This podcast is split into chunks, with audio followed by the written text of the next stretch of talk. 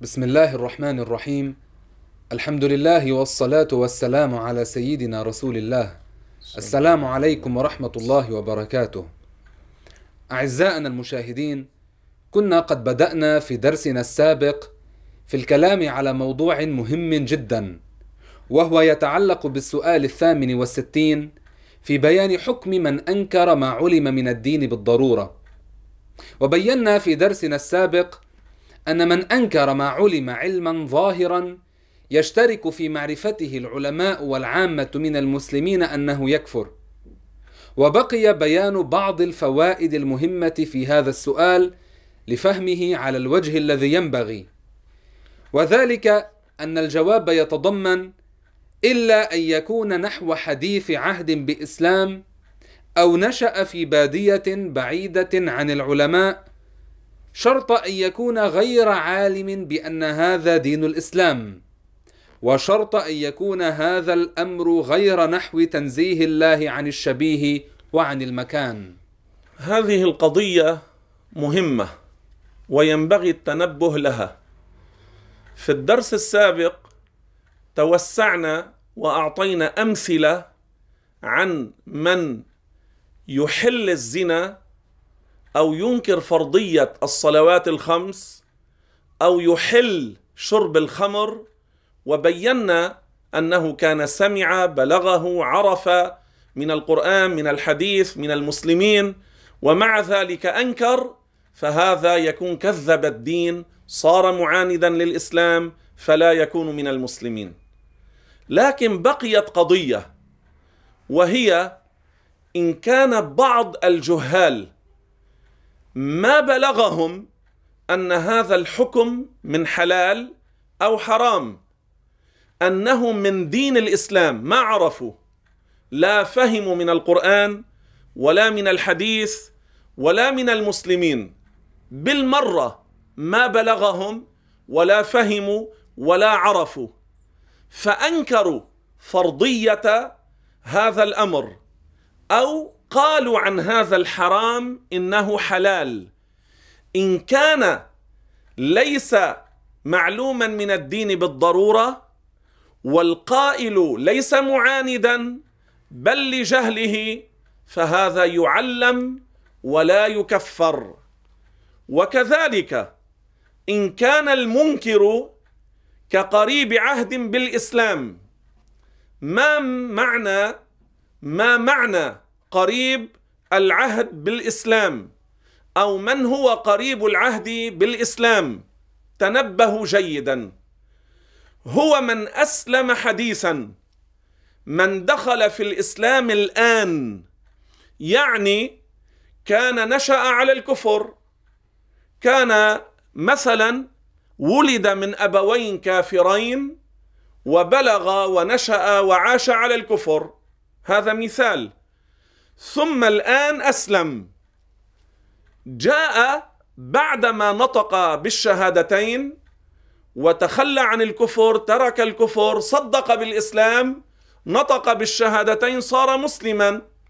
لكن لم يكن عرف ولا سمع ولا بلغه لا من القرآن ولا من الحديث ولا من المسلمين أن الصلوات المفروضة خمسة فقال أربعة. ليس معاندا وليس عن تكذيب للشرع إنما لكونه أسلم من جديد. ومع أنه لم يكن قد عرف ولا بلغه ولا سمع لا قبل أن يسلم ولا بعدما أسلم. يعني ما عرف أن هذا في دين الإسلام ففي مثل هذا يعلم ولا يكفر. أما لو كان عرف قبل أن يسلم أن في دين الإسلام الصلوات المفروضة خمسة أو بعدما أسلم عرف يعني اعتقد يعني صدق أن هذا في الإسلام ثم بعدما تشهد أنكر فرضية صلاة الصبح وهو كان عرف قبل أن يسلم أو بعدما أسلم واعتقد أن هذا من دين الإسلام رجع فأنكر أو عاند أو شك أو كذب بذلك. شك أو كذب بذلك هذا صار مرتدا. لماذا؟ لأنه صار مكذبا للإسلام. صار معاندا للدين. ثم انتبهوا أيها السادة والسيدات أيها الإخوة والأخوات الحلال والحرام الفرض والسنة والإباحة يعني هذه الأحكام العملية والفروع هذه لا تدرك بالعقل إنما تعرف بالسماع بمعرفة الحلال والحرام والفرض والسنة والمكروه والمندوب. هذا يعرف بالسماع سماع الآيات الأحاديث الأحكام الشرعية بالتلقي بالسماع. لأن الإنسان لو قعد فكر لن يستطيع أن يتوصل بعقله وحده إلى معرفة كل الفرائض إلى معرفة كل المحرمات إلى معرفة كل المسنونات إلى معرفة كل المكروهات إلى معرفة كل المباحات. هذا لا يدرك بالعقل إنما بالسماع إنما بالتلقي بالعلم. لذلك إن أنكر وكان كقريب عهد بإسلام أو قريب عهد بإسلام يعلم ولا يكفر. أما إن كان عنادا لو أسلم الآن رجع فعاند الإسلام يكفر يقال له تشهد. هذا قريب العهد بإسلام. أما كقريب عهد بإسلام من هو؟ هو من ولد من أبوين مسلمين وهو نشأ على الإسلام لكن لا خالط العلماء. ولا سمع من أهله ولا في المدرسة ولا في المسجد ولا من المسلمين كأن كان مثلا يعيش في البرية. هذا في هذه القضايا الفرعية يكون كقريب عهد بإسلام أو يشبه من أسلم من جديد في هذه الأمور وليس في كل شيء. أما إن كان معاندا فهذا أيضا يقال له تشهد. بقيت قضية مهمة. ما هي؟ أن لا يكون هذا الأمر انتقاصا للأنبياء نسبة الزنا واللواط إليهم الكذب والخيانة والرسالات إليهم. فهذا لا ينفعه. لو قال أنا لا أعرف ما سمعت أنا أمي ما علمتني أنا كقريب عهد بإسلام لأنهم لو كانوا بهذه الصفات كيف تقبل منهم الدعوة؟ كيف يقبل إليهم وعليهم الناس؟ لنفر الناس منهم. فنسبة الفواحش كاللواط والعياذ بالله للأنبياء هذا خروج من الإسلام. لو كان ممن أسلم الآن أو كان ممن هو كقريب عهد بالإسلام. وأيضا بقيت قضية. ما هي؟ أن يكون هذا الأمر أيضا ليس مما فيه تكذيب لله تعالى ليس فيه ما هو تشبيه لله بخلقه لا اعتقاد التشبيه ولا اعتقاد التجسيم ولا اعتقاد الجسمية ولا المكان ولا القعود ولا الجلوس.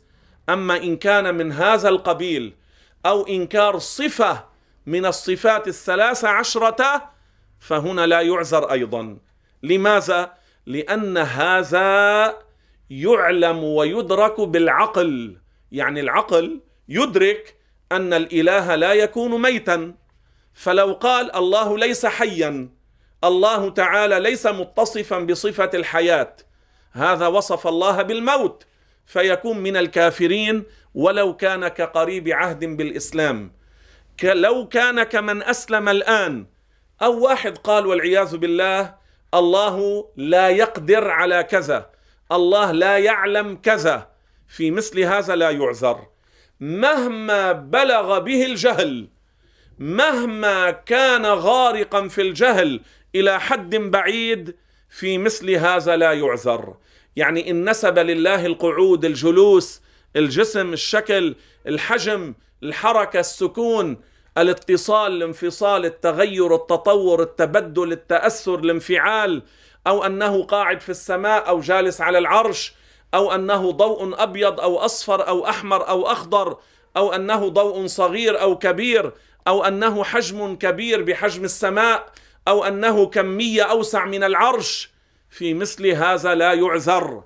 كذلك في من أنكر صفة من الصفات الثلاث عشرة التي سبق لنا أن شرحناها وتكلمنا عنها في هذا البرنامج.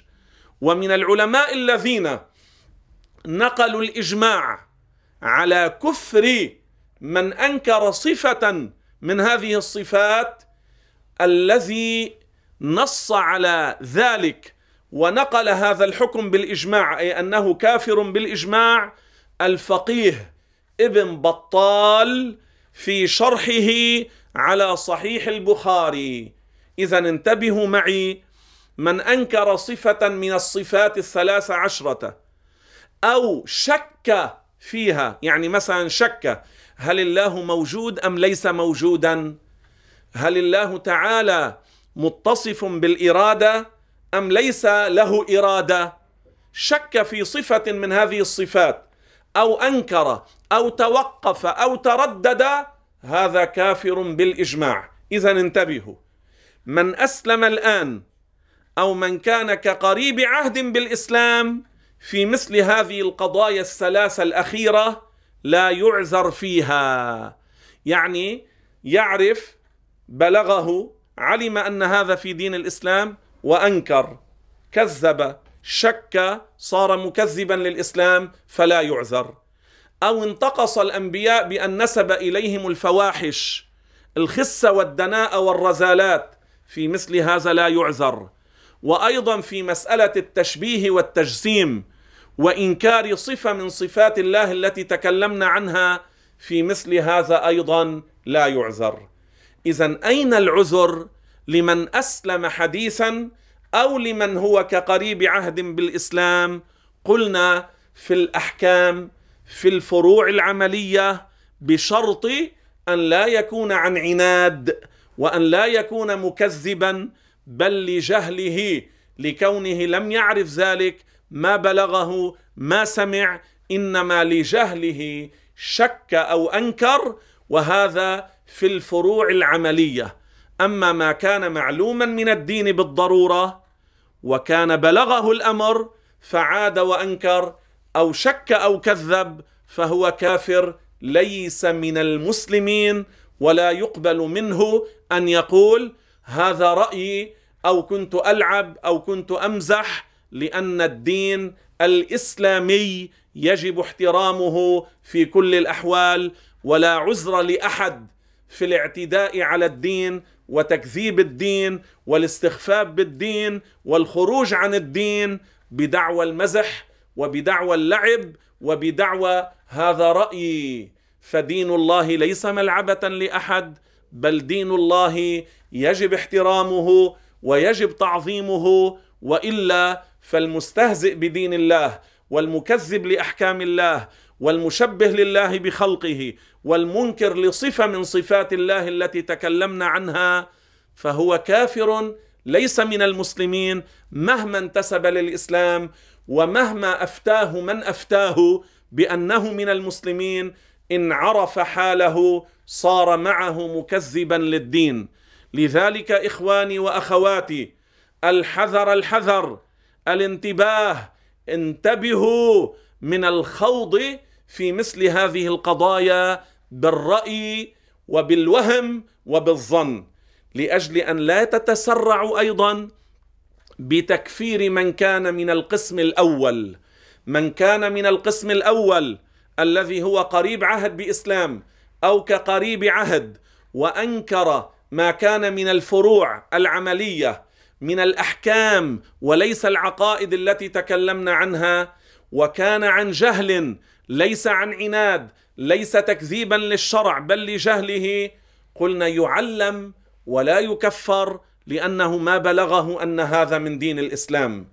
أما من بلغه أن هذا من دين الإسلام خرج من الإسلام لأنه صار معاندا للإسلام مستخفا بالإسلام مستهزئا بالإسلام ومن كان كذلك فليس من المسلمين. لذلك علينا أن ننتبه وأن نقف عند حد الشرع وليست العبرة بالفتوى الباطلة أو بتزوير محرف ادعى المشيخه أو العلم بل العبرة بما ورد في شريعة الله وبما جاء في دين الله سبحانه وتعالى. السؤال التاسع والستون إلى كم قسم قسم العلماء اللفظ وبين معنى ذلك؟ الجواب قسم العلماء اللفظ إلى ظاهر وصريح فالظاهر ما كان له بحسب وضع اللغة وجهان فأكثر ولكنه إلى بعض الوجوه أقرب. فمن تكلم بلفظ ظاهر في الكفر لا يحكم بكفره حتى يتبين مراده. وأما الصريح فهو الذي لا يقبل التأويل. فمن تكلم بلفظ صريح في الكفر كفر ولا يسأل عن مراده ولا يقبل له تأويل إلا أن يكون لا يعرف ذلك المعنى الصريح بل يظن أن معناه غير ذلك. فإن هذا اللفظ بالنسبة إليه ليس له حكم الصريح. هنا فوائد مهمة. منها أن من تلفظ بكلمة صريحة في الكفر وهو يفهم معنى الكلمة هذا يحكم عليه بالكفر كما نص على ذلك الفقهاء والعلماء ولا يسأل عن نيته ولا عن قصده وإن كان جاهلا بحكم هذه الكفرية أنها كفر أيضا لا يعذر ولا يسأل إن كان شارحا صدره ولا يسأل إن كان قاصدا الخروج من الإسلام. وهذا عليه أمثلة كثيرة. كما يحصل مع بعض السفهاء يحصل بينهم شجار. فيقول هذا لذاك والعياذ بالله تعالى ربك لا يقدر علي. هذا يقال له لفظ صريح في الكفر. والقائل يفهم معنى الكلمة وقالها عمدا لا هو مكره ولا على وجه سبق اللسان. ما معنى سبق اللسان؟ يعني جرت على لسانه بدون إرادة بالمرة. يعني هو ما كان يريد أن يتلفظ بهذا اللفظ. ليس قاله ولم يرد المعنى لا ليس هذا معنى سبق اللسان. بعض الجهال ماذا يقولون؟ يظنون أن معنى سبق اللسان هو قالها عمدا لكن لم ينوي المعنى الكفري. هذا لا ينفعه. هذا يكفر لأنه يفهم معنى الكلمة وقالها عمدا وهي كفر صريح. إذا ما معنى سبق اللسان؟ اللفظ أصل اللفظ هو ما كان يريد أن يتلفظ به ولا أن ينطق به ولا أن يتكلم به لكن مغلوبا بدون إرادة بدون قصد جرى اللفظ على لسانه. هذا لا يؤاخذ لأنه ما أراد أن يتلفظ بالمرة. ليس فقط أنه لم يرد المعنى ولا نوى المعنى ولا قصد المعنى بل ولا أراد اللفظ ولا كان ناويا ولا قاصدا أن يتلفظ وجرى على لسانه بدون إرادة. نعطي مثالا لذلك. كالذي ورد في الحديث في قصة الرجل الذي كان على الراحلة ونختصر. هذا الرجل فقد راحلته وكان متاعه وماله على هذه الراحلة. بحث لم يجدها تعب أراد أن يرتاح جلس تحت شجرة. أغفى جاءت الراحلة ووقفت عنده استيقظ وجدها عنده. فرح فرحا عظيما. أراد أن يشكر ربه. أراد أن يقول اللهم أنت ربي وأنا عبدك. لسانه أخطأ. لسانه انزلق إلى عبارة أخرى. فقال بدون انتباه وهو لا يريد أن يقول هذا اللفظ قال اللهم أنت عبدي وأنا ربك. ماذا قال الرسول صلى الله عليه وسلم؟ أخطأ الرجل. ما معنى أخطأ؟ يعني سبق لسانه. عرفنا ما معنى سبق اللسان؟ في مثل هذا لا يؤاخذ. أما في من نحن الآن بصدد الكلام عنه قالها عمدا ويفهم معنى اللفظ وهو استخفاف بالله سب لله شتم لله. هذا يكون تكلم تلفظ بلفظ صريح في الكفر فلا يسأل عن نيته ولا عن قصده ويكون خرج من الإسلام ويقال له تشهد لترجع للإسلام.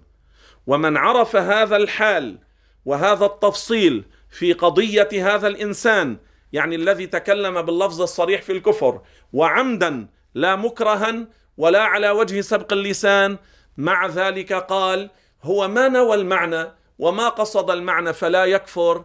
هذا القائل الثاني هو يكفر معه أيضا. لماذا؟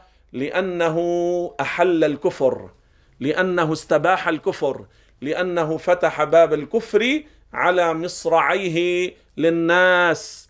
اذا اللفظ الصريح في الكفر من تلفظ به عمدا بإرادته ليس مكرها ولا على وجه سبق اللسان ومع ذلك تلفظ به وهو يفهم معنى اللفظ خرج من الإسلام ومن لم يكفره بهذه الحالة يكون مكذبا للدين. كمن نسب لله الولد كمن نسب لله العجز كمن نسب لله المكان القعود الجلوس هذا يقال له لفظ صريح في الكفر.